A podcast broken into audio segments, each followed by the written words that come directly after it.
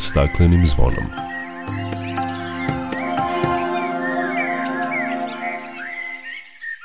Dobar dan i dobrodošli na Zeleni talas prvog programa radija Radio Televizije Vojvodine. Ja sam Dragana Ratković.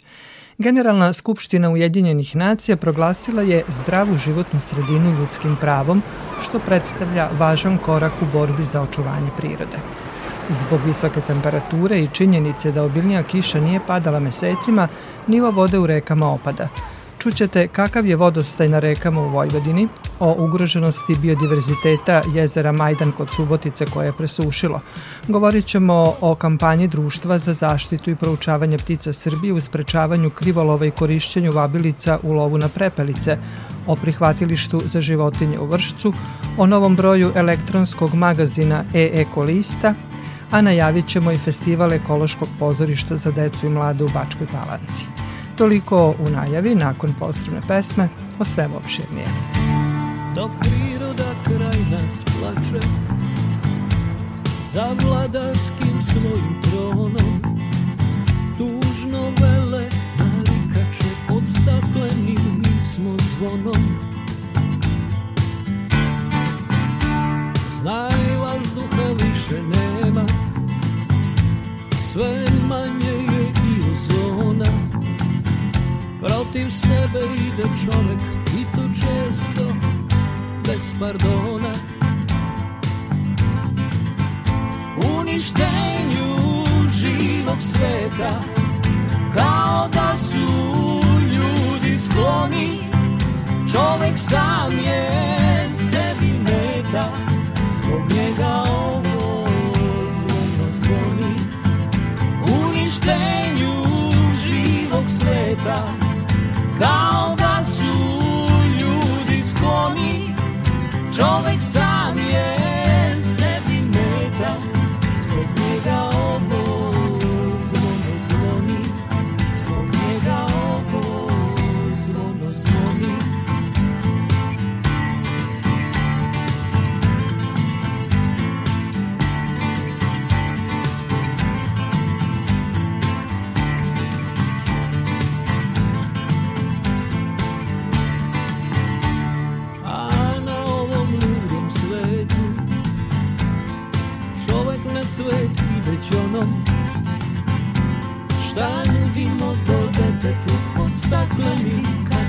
smo zvonom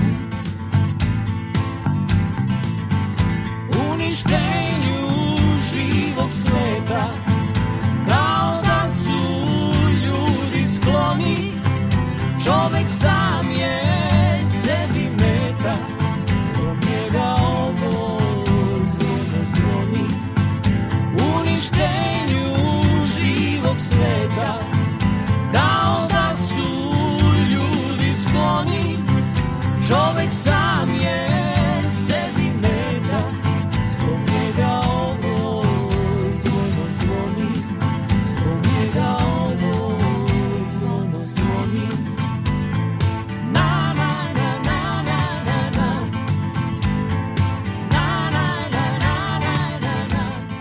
Generalna skupština Ujedinjenih nacija proglasila je da svako na planeti ima pravo na zdravu životnu sredinu, što predstavlja važan korak u borbi za očuvanje prirode. U rezoluciji koju je usvojila Generalna skupština navodi se da su klimatske promene i degradacija životne sredine pitanja koja zahtevaju najhitnije rešavanje. Za usvajanje rezolucije glasala je 161 država, među kojima se nalazi i Srbija.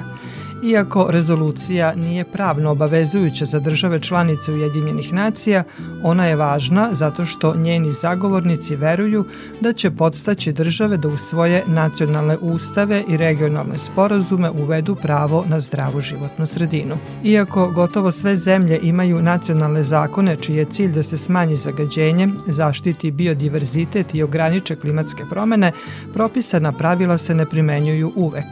Problem je veći kada se uzme u obzir da aktivisti koji zagovaraju zaštitu životne sredine ne mogu da se pozovu na zakon koji im garantuje da je to njihovo pravo. Zbog toga bi proglašenje zdrave životne sredine ljudskim pravom omogućilo ljudima da se suprotstave politici koja ne ide u korist ekološkim obrazcima u skladu sa zakonodavstvom o ljudskim pravima. Značaj donošenja rezolucije ogleda se u tome da se planeta trenutno suočava sa trostrukom krizom. Tri glavna ekološka problema koje su međusobno povezani, a koje čine klimatske promene, gubitak biodiverziteta i zagađenje, zahtevaju hitno rešavanje.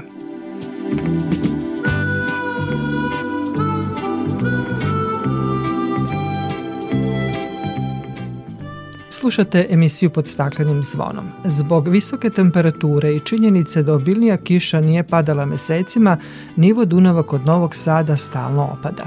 O stanju na rekama za radioteleviziju Vojvodina govorio je Božidar Beloš iz javnog preduzeća Vode Vojvodine. Imali smo sličnu situaciju negde 2003. pa nešto slično 2018. Evo sad se to ponovilo, tako da na svih skoro 600 km Dunava, sem naravno malo je povoljnije u akumulaciji Đerdapa, a ovaj preostali prirodni tok e, reke je uglavnom svugde isto 2 metra niži od višegodišnjih proseka. Na Tisi je povoljnija situacija zbog brane, postojanja brane koja u stvari diže nivo uzvodno od Bečeja i tu je standardna situacija kao što je i svih prethodnih, odnosno običajeno. Donji deo Tise, tih prvih 60 km, to je ovaj, pod režimom Dunava. Tisa je znači u redu, Sava je isto ekstremno niska, i ona nema vode. Na manjim vodotokovima, znači sigurno naši kanali, pa čak i veliki kanali hidrosistema Dunav, Tisa, Dunav su u kritičnom stanju, ali nemamo još pojava ni uh, uginuća ribe, ni, ni ovaj neprijatnih mirisa, što bi rekli, koji bi poticali od trulenja biljaka, tako da za to sve još uvek nemamo ovaj nešto alarmantno. Padavine su spas i, i za nivo voda i za poljoprivredu, a sigurno i za nas da nas malo rashlade u odnosu na ovih 34, 5 pa i više stepena.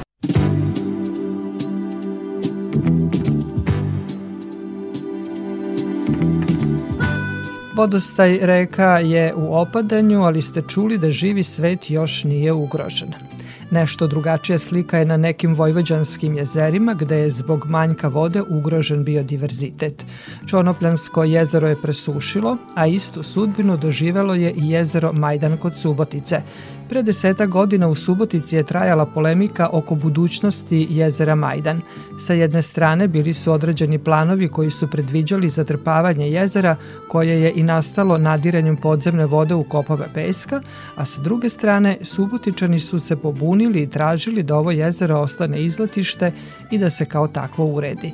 Deseta godina kasnije klimatske promene i prekomerno korišćenje podzemnih voda doveli su do toga da danas u Majdanu vode više nema, a priroda polako zauzima svoje mesto.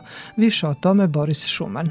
Sudbinu Majdana dele i druga slična jezerca na severu pokrajine. Dva najveća, Palić i Ludaš, i dalje imaju vodu, jer je Ludaš spojen kanalom sa Palićem u koji dotiče sveža voda, ali ne iz Tise, već sa subotičkog prečistača. Njihov prirodni dotok, rečica Kireš, takođe je presušila. Sve to utiče na biodiverzitet jednog od najvećih parkinga za ptice selice u Evropi. O tome govori čuvar specijalnog rezervata prirode Ludaško jezero Otto Sekereš. Na vlažnim staništima da bi sad trebalo da bude izvanredno lokacija za hranjenje mnogih ptica i da se, da se sad e, najedu pre migracije, te su sad totalno suve, znači oko, oko jezera su suve i ptice su već otišli sa ovih prostora zato što ne imaju e, dovoljno hrane, morali su tražiti druge lokacije. Pitanje da li će naći. Subotica kao poljoprivredni kraj žedna je za vodom. Zato i ima selo koje se zove Žednik. Ali umesto kopanja kanala, kopaju se bunari. Umesto korišćenja vode iz reka, crpe se rezerve podzemnih voda, koje su opale za 4 do 5 metara. Svakako možemo reći da je situacija alarmantna i kritična zato što to je tendencija da nam nestaju vode i pitanje kad ćemo to realno shvatiti i kad ćemo da već nešto učinimo protiv toga, Mi smo sad tek stigli na to da, da počinjemo da pričamo o, o toj problematici, a problematika se javlja već od 90. godina intenzivno. Ako se ovako nastavi, svuda oko nas u Subotičko-Horgoškoj peščari imaćemo bukvalne podsjetnike da živimo na dnu suvog mora.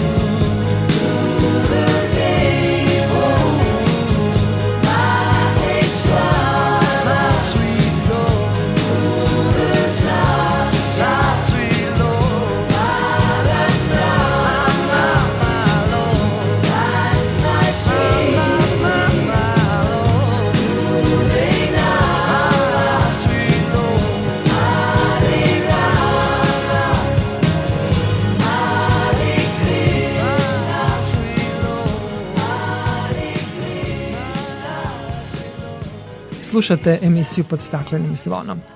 Stručnjaci kažu da zbog niskog vodostaja reka ove godine nemamo mnogo komaraca. Pre nekoliko dana iz Italije u Srbiju stigao je prvi zvanični kontingent sterilisanih komaraca kao deo projekta suzbijanja te vrste insekata u našoj zemlji. Reč je o inovativnoj biološkoj metodi za suzbijanje komaraca koju na Poljoprivrednom fakultetu u Novom Sadu realizuje profesor dr. Dušan Petrić. O klimatskim promenama, uticaju komaraca na ljudsko zdravlje i ovom zanimljivom projektu sa profesorom Petrićem razgovarao je Slobodan Šorak. Klimatske promene su jedna od češćih termina e, koje se koriste u javnosti poslednje vreme. Vidimo da imamo sad konkretno ovo veoma toplo leto sa rekordno malom količinom padavina. E sad onako jedno možda uopšteno pitanje kako se klimatske promene, kako utiču na populaciju komaraca? Sada kada govorimo o komarcima, ljudi uvek misle komarac, komarac. Međutim, mi u Srbiji imamo bar 32 vrste komaraca do sada registrovani i dolaze nam i nove ovi invazivni komarci za koje ste verovatno već čuli. E, već dve vrste ovih komaraca smo registrovali u Srbiji, to je ovaj azijski tigrasti komarac i japanski komarac. Na neke će delovati povoljno, a na neke ne toliko povoljno verovatno ste primetili da ove godine nema puno rečnih komaraca. To je iz razloga što je nivo Dunava izuzetno nizak jer ti rečni komarci polažu jaja, odaberu mesta koja će biti plavljena sledećih godina prema vegetaciji koja tamo raste. Ta jaja mogu da žive 10 godina i u narednih 10 godina kad god Dunav pređe taj nivo gde su jaja položena, jaja se pile. Ove godine se to nije desilo, je dva, tri puta je bilo nešto oko nivo koji je aktivirao neka mala žarišta, ali njih nema puno. Znači, za njih je nepovoljno, a za ove kućnog komarca koji prenosi virus zapadnog Nila, za ovog azijskog tigrastog komarca je sve povoljnije i povoljnije. Jer njima odgovaraju visoke, više temperature nego ovim komarcima i voda. A voda, ako nema kiše, ljudi zalivaju peru ulice i tako dalje, tako da vode za tad, te dve vrste komaraca uvek ima. Isto tako zabeležili smo i ekspanziju jednog domaćeg komarca, Anopheles hircanus, on je potencijalni vektor malarije i on se širi prema severu. U Vojvodini je strašno i njegova brojnost i rasprostranjenost narasla od 1982. godine od kada ga pratimo i to smo dokazali da je povezano sa rastom prosečne godišnje temperature. Da li su to onda i trendovi za naredne, naredne godine, za naredne decenije? Da, pretpostavljamo na osnovu modela koje smo uradili prema činjenicama koje smo sakupili u Vojvodini, Prognozirali smo da će brojnost svih komaraca rasti do 2100. godine na teritoriji cele Srbije. Naime, mi smo, moja čerka i ja smo radili nacionalni plan adaptacije na klimatske promene i u okviru njega smo modelirali šta će se desiti sa ne samo sa komarcima, nego i sa krpeljima i sa drugim vektorima i svi imaju tendenciju porasta, nažalost. Evo nas i do naše glavne teme, te inovativne biološke metode za suzbijanje komaraca po prvi put u Srbiji. Navikli smo da iz Italije uvozimo luksuznu robu, dizajn ovog puta uh, uvozimo sterilisane komarce. Možete li nam pojasniti kako funkcioniše ta metoda sa takozvanim sterilisanim komarcima, koja moramo i to da kažem u svetu nije toliko nova? Da, ideja je genijalna i ona funkcioniše na saznanju da se mnoge vrste insekata pare samo jedan put u životu. Ženke se pare jednom u životu. Ako se ženka taj jedan jedini put spari sa sterilnim komarcem, onda neće više biti potomstva. I na taj način mi zapravo suzbijamo tu vrstu i ona je izuzetno povoljna jer je usmerena samo na jednu vrstu, nema nikakvih rezidua, ostataka, to nisu transgeni komarci, oni su samo sterilisani i tako dalje. A u svetu, kao što ste rekli, se uspešno promenjuje pre svega u poljoprivredi, za suzbijanje jedne opasne voćne muve i još nekih drugih insekata, a od pre nekih deseta godina je počela da se primenjuje i na komarce i u Evropi i u Africi. Navodite, to sam negde pročitao, da je ta metoda usmerena na jednu vrstu ovo. Njeni efekti na prirodu e, nisu štetni. E, zašto je to važno? Zašto je to e, podvučeno i u kom slučaju bi to moglo da bude štetno? To smo podvukli zato što dosadašnje suzbijanje ovog azijskog tigrastog komarca se bazira na primjeni biocida, znači na primjeni hemijskih preparata, biološki preparati postoje, ali nisu toliko, ne mogu toliko dugo da e, zadrže aktivnost u vodi i onda ih treba primjenjivati maltene svake nedelje, što je izuzetno skupo. Osim toga, pošto ova vrsta komaraca ženka može položi jaja bilo gde gde ima malo vode, znači u, u podlošku za saksiju ili bilo koji drugi predmet koji zadržava vodu posle zalivanja ili kiše, i ta, ta, te sve larove je jako teško, mogu reći nemoguće ih je naći, tako da ako ovaj izvođač koji suzbija komarce uradi najbolji mogući posao sa najmodernijom tehnologijom, on, može da smanji brojnost ovih komaraca samo za 50%. Kada na to dodamo učešće građana i primenu ovaj, metode otpuštanja sterilnih insekata, sterilnih komaraca, to raste do 90%. I to je već onda neka dobra kontrola. O načinima na koji se sterilišu mm. komarci, pa evo dajte nam to, pojasnite kako to izgleda. Komarci se, i zato je u ovaj projekat zapravo i uključena ova Međunarodna agencija za atomsku energiju, jer se komarci sterilišu ovim gama ili x zracima. Uh, oni se sterilišu u aparatima koji služe za sterilizaciju krvi ili za sterilizaciju hrane, pošto sva hrana koja se u Evropu uvozi iz drugih delova sveta obavezno prođe sterilizaciju X ili gama zracima.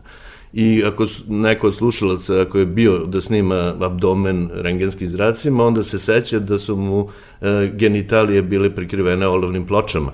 To je zato da ne bi imali iste efekte na nas kao i na komarce, odnosno da ne bi sterilisali pacijenta. Kako se vrši taj transport, a da se ne ugrozi e, njihova, njihov broj koji je, pretpostavljam, vrlo bitan za ono što kasnije sledi? Da, oni se pakuju u male kontejnere, taj mali kontejner ide onda u veliku kutiju koja je izolovana i u njoj se nalaze ovi gelovi za frižider koji bi trebalo držati temperaturu u toku transporta na 10 stepeni Celzijusovih, to je temperatura gde komarci nisu aktivni, znači ne kreću se, ne mašu krilima, što odgovara, znači niži im je metabolizam i u takvom stanju mogu da žive nekoliko dana, da im se ništa ne desi značajno. Svako povećanje temperature povećava i njihovu aktivnost, oni se kreću, gube energiju i umiru. Takođe negde sam pročitao da su ti sterilisani komarci obojeni. E, kako se to radi i zašto je to važno?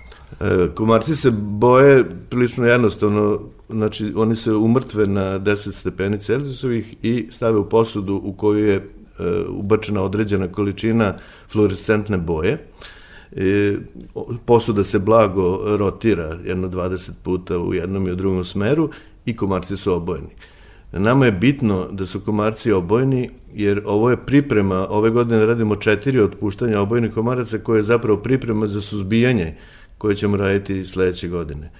E, puštajući obojene komarce mi možemo da ocenimo koliko divljih živi na nekoj teritoriji, znači ako jedan e, i uhvatimo jednog obojenog i jednog divljeg, znači da divljih ima isto koliko i obojenih koje smo pustili, Dakle, pustimo, na osnovu uzorka. Na osnovu uzorka, da, proporcije. Znači, ako pustimo 10.000, uhvatimo jedan prema jedan, znači ima i 10.000 divljih i onda na osnovu toga planiramo.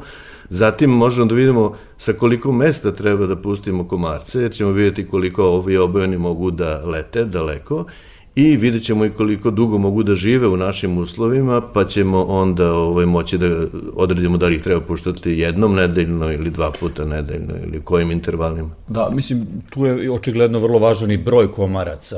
Naravno. Da, dakle, o kom broju komaraca je reč, kako određujete taj broj i koja je dinamika njihovog E, puštanja zapravo da bi bilo prihvatljivih rezultata. Da, evo, ja sam spomenuo sad brojku 10.000 pa da nastavimo na njoj. Ako utvrdimo da u delu koji hoćemo da tretiramo živi 10.000 divljih komaraca, treba da pustimo pet puta više ovih sterilnih komaraca da bi videli efekte a mi ćemo efekte videti već i ove godine, premda ovo nije usmereno za suzbijanje, mislim da smo dosta dobro predvideli brojnost naše lokalne populacije, jer paralelno sa skupljanjem tih obojenih i neobojenih komaraca mi postavljamo i klopke koje skupljaju je jašca komaraca, I imamo naravno i deo grada koji se ne tretira, to nam je kontrolna površina. Kada uporedimo procenat piljenja larvi, između kontrole i našeg tretmana vidjet ćemo koliki broj jaja je sterilan na, u našem delu grada. Hvala na razgovoru. Nema na čemu, hvala vam. There was a time we used to laugh. There was a place way out by the water. We used to hang in the moonshine.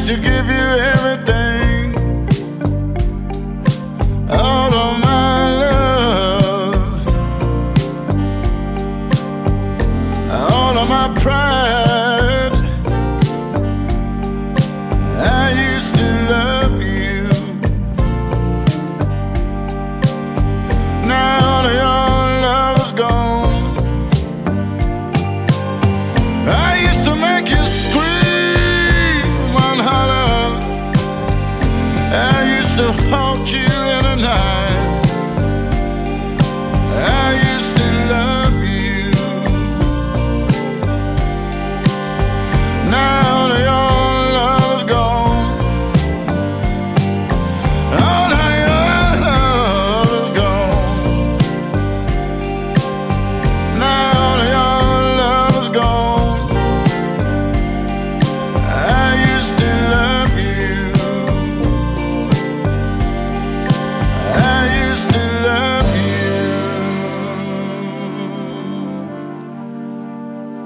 Slušate emisiju pod staklenim zvonom. Uskoro, tačnije 15. avgusta do 30. septembra traje lovna sezona na prepelice. Ove godine nešto kasnije nego prethodnih u skladu sa prošlogodišnjim izmenama pravilnika o proglašavanju lovostajem zaštićenih vrsta divljači.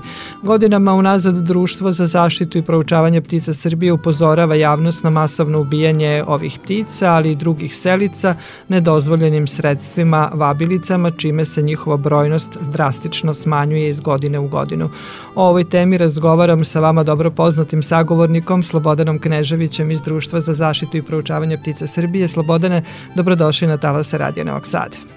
Dobar dan. Godinama unazad pričamo i upozoravamo javnost na masovno ubijanje prepelica, ali i drugih selica nedozvoljenim sredstvima, vabilicama, ali lov na ove ptice u našoj zemlji posebno je problematičan jer se gotovo po pravilu obavlja uz korišćenje elektronskih vabilica koje je krivični zakonik prepoznao kao sredstvo za masovno uništavanje divljači i zbog toga ovoj temi pričamo pre početka lovne sezone. Pa upravo tako i radio je sjajan medij pomoću koga mi zapravo možemo lako da objasnimo na koji način se vrši ova vrsta krivolova i da kažemo istrebljivanja jedne ugrožene vrste kakva je prepelica, ali i drugih divljih životinja za čije ubijanje se koriste ova nedozvoljena sredstva. Ono što je bitno da naši slušalci znaju jeste da vabilica sama po sebi ne ubija prepelice. To je jedan e, zvučnik, e, MP3 player na kome je zvuk oglašavanja prepelice i jedan akumulator ili baterija koji krivolovci postave u njive izvan naseljenih mesta gde je žito ovršeno i te vabilice emituju oglašavanje mužijaka prepelice. Ja bih zamolio naše slušalce da zamisle da su oni prepelica i da se sad sele negde sa, sa severa Evrope za Afriku i da sa njiva negde u Srbiji čuje kako njihova jedinka njih doziva i ona im govori hej, sabraćo, hej, prepelice, dođite ovde, ima hrane, bezbedno je, možete se odmoriti od naporne seobe i prepelice koje lete nebom noću zaista i čuju to dozivanje i spuste se na tu lokaciju. I one tu čekaju. Jer ta vabilica koja je jedan uređaj, ona ne prestaje da peva i one su faktički omamljene, one su zavedene tim zvukom i one čak i u zoru kada bi trebale da odu sa te lokacije, one tu ostaju, ali šta sa zorom dolazi? Dolazi i krivolovci koji tako te, da kažemo, prevarene ptice nečasno zavedene zapravo pobiju. Među našim slušalcima ima dosta i ribolovaca, pa će oni znati da je lov strujom da, takođe zabranjen, da vi lovite ribu strujom ili dinamitom. To je zabranjeno. Isti, isti slučaj i ovde. Vi ste na jedan nečastan način dozvali divljač, znači nema ničega viteškog često ćete čuti od e, lovaca da je lov zapravo jedna viteška disciplina, gde se vi nadmudrujete sa, sa divljači, vi je tražite, jurite za njom, ali ovde nema ničega viteškog da vi ostavite jedan uređaj da doziva vašu divljač tokom cele noći dok vi mirno spavate. I onda kad ste se naspavali, onda ujutro kad se protegnete, uzmete svoju pušku i odete na tu livadu i pobijete te namučene ptice. Zato je to zabranjeno. Usled ovakvog vida nelegalnog lova u našoj zemlji svake godine strada prema nekim vašim podacima više od 50.000 prepelica i da na području Srbije uglavnom vikendima se koristi oko 800 elektronskih vabilica što je zaista zapanjujuće. Jeste. Srbija je u, u ovom periodu avgusta i septembra jedna velika elektronska vabilica. Ako pogledate kartu Evrope, sve ptice koje se sele preko naše zemlje zapravo čuju taj zvuk i ne samo da ga čuju ptice, čuju ga i e, naši e, sugrađani, meštani brojnih sela širom Srbije, tako da motivišemo sve one koji sada slušaju ovaj naš razgovor da ukoliko u večernjim časovima, znači tamo negde iza 9 e, sati uveče, u okolini svojih mesta čuju jedan zvuk ptice koji ne prestaje, koji ima, da kažemo, e, ponavljanje konstantno, slične dinamike, to je sigurno elektronska vabilica. Svakako mi pozivamo i sve zainteresovane ljude koji su zainteresovani da učestvuju u pronalasku tih uređaja ili sumnjaju da su čuli elektronsku vabilicu, neka se obrate nama, društvu zaštite i proučavanje ptica Srbije i mi ćemo im dati dovoljno e, znanja i informacija kako da prepoznaju da li se radi o elektronskoj vabilici ili ne i šta onda sa tom informacijom. Prva institucija koja se treba obratiti jeste policija, jer ovo je kršenje i krivičnog zakonika i zakona o divljači i lovstvu i zakona o zaštiti prirode, brojnih međunarodnih propisa, tako da policija je svakako jedna od nadležnih institucija u sprečavanju kršenja zakona na ovaj način. Ono što je, nadamo se, pozitivna vest u ovom problemu jeste da od ove godine mi imamo i novu jedinicu policije koja je opredeljena baš za rešavanje ekoloških problema, problema u životnoj sredini, pa se nadamo da ćemo u dobroj koordinaciji sa tom jedinicom zapravo uspeti da sačuvamo više prepeličih života i prosto da pošaljamo snažnu poruku svim onim krivolovcima, lovokradicama, svim onim nečasnim ljudima koji se late elektronskih vabilica ili bilo kojih drugih sredstava za masovno uništenje divljači da to ne čine. Jer pravda je spora, ali dostižna. Slobodana je za razliku od prethodnih godina lovna sezona na prepelice počinje 15 dana kasnije, odnosno 15. avgusta u skladu sa prošlogodišnjim izmenama pravilnika o proglašenju lovostajem zaštićenih vrsta divljači. Da li će to nešto pomoći da se broj e, ubijenih ptica smanji? Sigurno da hoće, verujemo da će određeni broj krivolovaca, lovokradica i drugih e, ljudi koji posjeduju puške zapravo to demotivisati iz kog razloga jer među lovačkim udruženjima ima i udruženja koja dobro obavljaju svoj posao i verujemo da će se truditi da ovakve propise zaista sprovedu u svojim lovištima i da u ovom periodu do 15. avgusta sigurno će biti manje i elektronskih vabilica i manje slučajeva krivolova, ali ono što nas sad trenutno demotiviše jeste to da mi već imamo dojave da i mimo ove zabrane postoje slučajevi gde se već sada koriste e, elektronske vabilice u Srbiji, tako da mi ćemo te slučajeve svakako prijaviti, ali ono što je bitno jeste da je ovo trebalo bi da bude otrežnjujuća poruka za sve lovce, a to je da prepelica je lovna vrst. Bez obzira sada šta mi kao udruženje mislili uopšte o lovu ptica selica,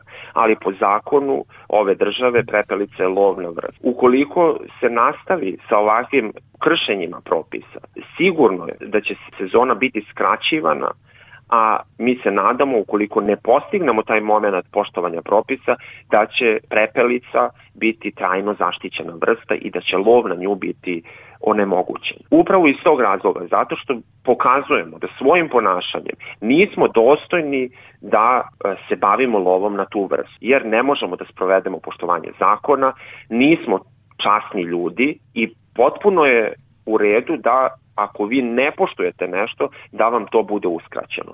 I to treba da bude poruka za sve lovce. Pre svega za one časne, da proberu među svojim redovima žito od kukolja i da sami prijave svoje drugove koji čine nečasne radnje i da na taj način obezbede i mogućnost da prepelica ostane lovna vrsta, ali i da se toj ptici omogući da preživi. Trenutno ovo nije lov na ovu vrstu, ovo je istrebljivanje vrsta i to neće moći još dugo. Da, podsjetimo samo da prema domaćem krivičnom zakoniku korišćenje vabilica u lovištu karakterisano je kao krivično delo za koje je zaprećena zatvorska kazna od 6 meseci do 3 godine. Članovi društva za zaštitu i proučavanje ptica Srbije će i ove sezone lovne biti na terenu, ali će imati pomoć, e, kao što ste rekli, novo osnovane jedinice Ministarstva unutrašnjih poslova koja je zadužena za suzbijanje ekološkog kriminala i zaštitu životne sredine, što će, nadam se, doprineti tome da se ove nečasne radnje, kao što reko ste, i smanje i da na neki način uh, sačuvamo prepelice. Slobodane, hvala vam za razgovor i učešće u programu Radio Novog Sada. Hvala vama. Slušajte. Znate li šta je to? Da li noću u poljima čujete ovaj zvuk koji se često ponavlja? E tako se glasaju prepelice. Ali to nije prepelica. U pitanju je elektronska vabilica koja doziva prepelice u sigurnu smrt. Elektronske vabilice su zakonom zabranjeni uređaji koji koriste krivolovci za masovno ubijanje prepelica. Tokom avgusta i septembra, kada je sezona lova na prepelice, krivolovci na poljima širom Srbije postavljaju elektronske vabilice. Procenjuje se da na ovaj način strada više od 50.000 prepelica. Spasite prepelice. Prijavite vabilice. Prijavite korišćenje elektronskih vabilica policiji. Više informacija na sajtu pticesrbije.rs. Spasi prepelice. Prijavi vabilice.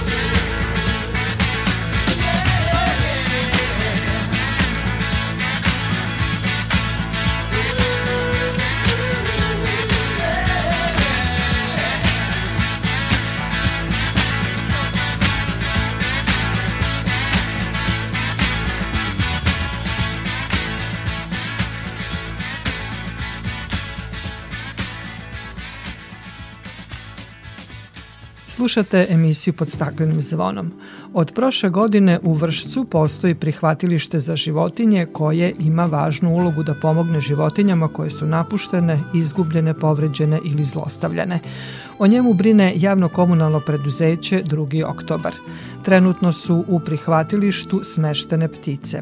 O radu prihvatilišta sa renđerom, čuvarom prirode na Vršačkim planinama, Milivojem Vučanovićem razgovarala je koleginica Danijela Korać koliko trenutno ptica i kojih vrsta ptica ima. Ovde se nalazi desetak vrsta ptica, to je privremeni ovaj, prihvatni centar gde ptice ne borave dugo, znači tu se praktično porave i vrat u prirodu ili da u saradnji sa Zavodom prirode dogovaramo šta će biti s njima, da li će biti ozbrinuti u nekom zaloškom vrtu ili već gde. Trenutno imamo jednu belu rodu, mladu koja je bila ispala iz gnezda, eto tu smo je dohranili, ona će uskoro poleteti. Imamo tri mišara koji imaju povređena krila, imamo dve mlade vetuške koje su takođe bile pronađene pronađene ove, tako što su ispali iz gnezda i ljudi su nam to prijavili pa smo ih mi bili na teren da ih pokupimo. I imamo još jednu mladu čavku koja je takođe kao jako mala ptica, kao mlada, praktično nimala ni perje, je ovo ispala iz gnezda, ona se sada ovaj, ovde isto potpuno poravila, porasla je, tako da vidjet ćemo, vratit ćemo naravno nju u prirodi, s tim što se ona malo i pripitomila, pa će taj proces vraćanja biti malo duži, ali u svakom slučaju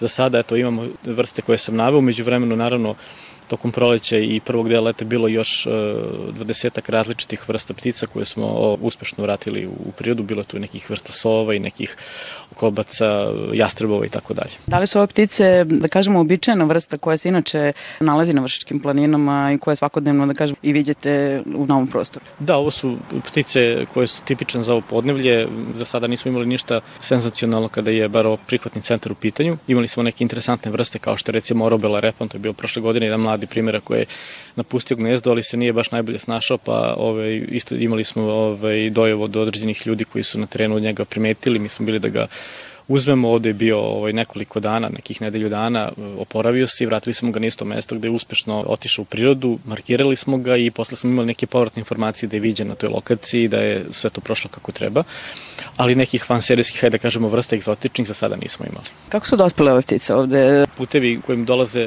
ptice u prihvatni centar su različiti. Neke jedinke mi pronađemo na terenu preko mobilazka terena i ovaj, zbrinemo ih neke jedinke pronalaze ljudi, građani koji ih e, u određenom delu nađu. To su različiti, da kažem, razlozi zbog čega ptice ne mogu da lete. Neki su mlade koji ispadnu iz gnezda, neki su povređene, neki su otrovani i tako dalje. Građani nam prijave e, gde su videli i šta su videli pa mi odemo na lice mesta da uzmemo ptice. A dešava se i da neki ljudi koji najđu na neku jedinku koja je u, ovom delu Banata, jednostavno je donesu, znaju da to radimo, donesu i ovde, pa i onda mi ovde naravno zbrinemo i ovaj, cela procedura posle već poznata. Tako da različiti su putevi na, na koje ptice dolaze kod nas i eto trudimo se da, da što veći broj tih povređenih ptica osposobimo da ih jednostavno posle opet vratimo u prirodu. S tim u vezi, da kažem, oni su i sa medicinske strane zbrinuti, je li tako? Njih obilazi veterinar u sradnji sa vama? Jeste, jeste, imamo u sklopu cele ove priče veterinara koji e, dolazi da, da pogleda o čemu se radi i da eventualno sprovede određenu terapiju ako je to neophodno. A naravno one jedinke koje su malo ozbiljnije povređene ili ili je potrebnija ovaj, veća veterinarska nega, onda u saradnji sa Zavodnom zaštitu prirode pokrinjskim ovaj, dogovaramo šta će sa tom jednikom biti, da li će otići na neku, ovaj, da li će otići na palić ili ćemo je već ovde zbrinuti, tako da postoji saradnja i sa Zavodom i sa veterinarima i nekako do sada je to, ne postojimo dugo, ali za ovih godinu dana bilo je dosta uspešnih eh, vraćanja u prirodu.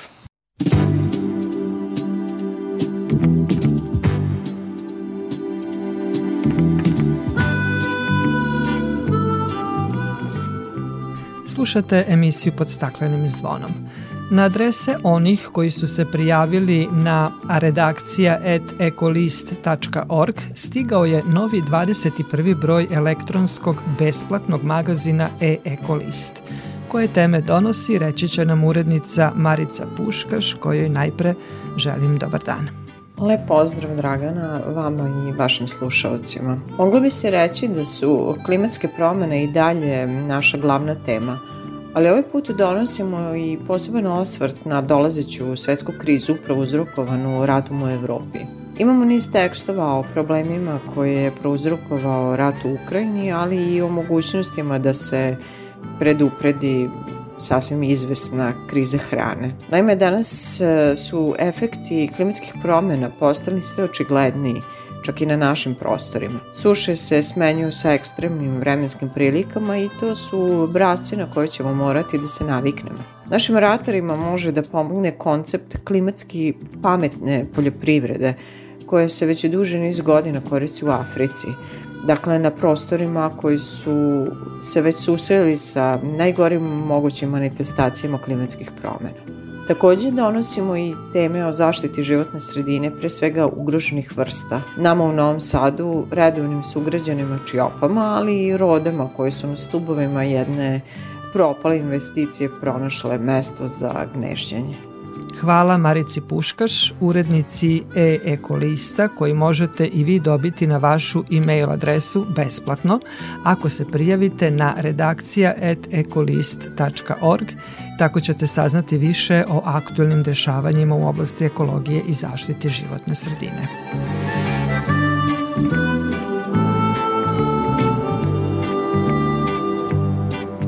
I za kraj najava jednog lepog događaja – Nakon Limenkica Festa u Novom Sadu u Bačkoj Palanci od 18. do 21. avgusta biće održan 28. festival ekološkog pozorišta za decu i mlade. O tome je sa direktorkom festivala Sonjom Petrović i koordinatorom volontera Nikolom Novakom razgovarao Miroslav Karanović. Svake godine s nestrpljenjem čekamo FEP, tih 10 predstava, ko će se sve predstaviti? Jeste, ove godine 28. čak, ovo, još malo poulazimo i u četvrtu deceniju ove, tradicije festivala. E, ove godine, kao što ste rekli, 10 predstava i to iz celog sveta mogu e, reći. Otvaramo festival sa Bitev teatrom, predstavom mogućnost zabavljanja kod ptica, zatim nam dolaze gosti iz Danske, i posle toga imamo još osam, svaki dan po tri predstave, među njima su i predstave za bebe, što je raritet i kod nas i u smislu te ciljne grupe, tako da smo veoma ponosni što postoje i predstave za tu ciljnu grupu. Osim toga, tu su predstave iz Hrvatske, iz Slovenije, iz Bosne i Hercegovine, tako da negde region i da kažem Danska i iz Austrije, što se tiče međunarodnog programa.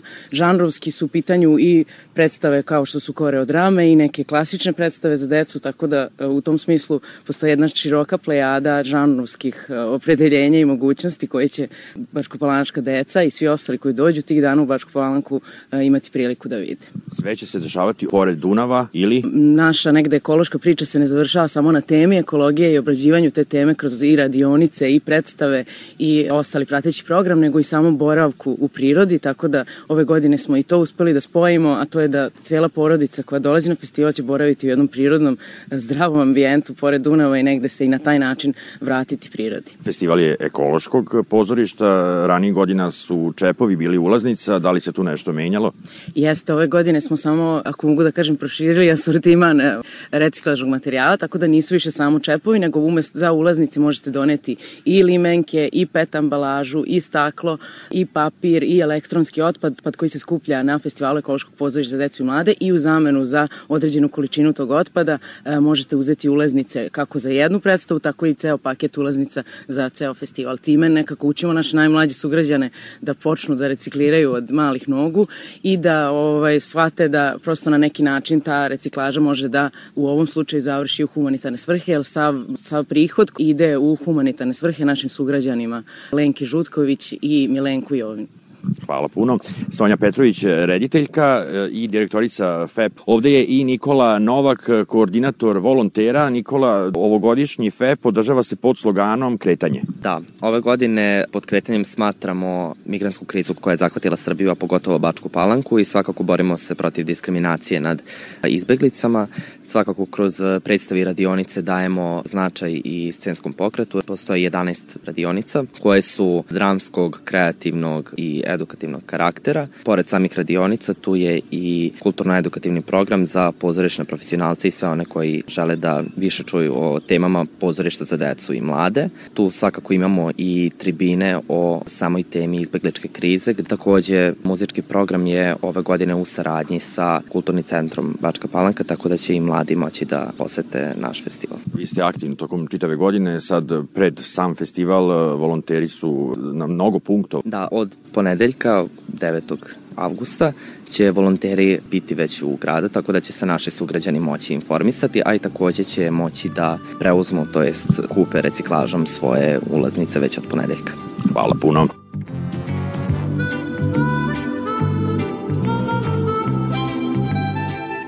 Toliko za ovo izdanje emisije pod staklenim zvonom koju možete slušati i odloženo na podcastu Radiotelevizije Vojvodine na adresi rtv.rs. Na pažnji vam zahvaljuju Sabina Nedić, Zoran Gajinov i Dragana Ratković.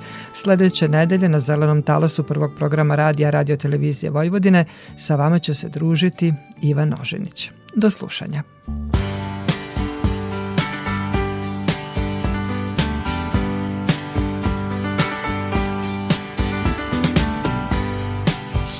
Like yesterday, but it was long ago. Jane, it was lovely, she was the queen of my night. There in the darkness with the radio playing low and the secrets that we share, the mountains that we move.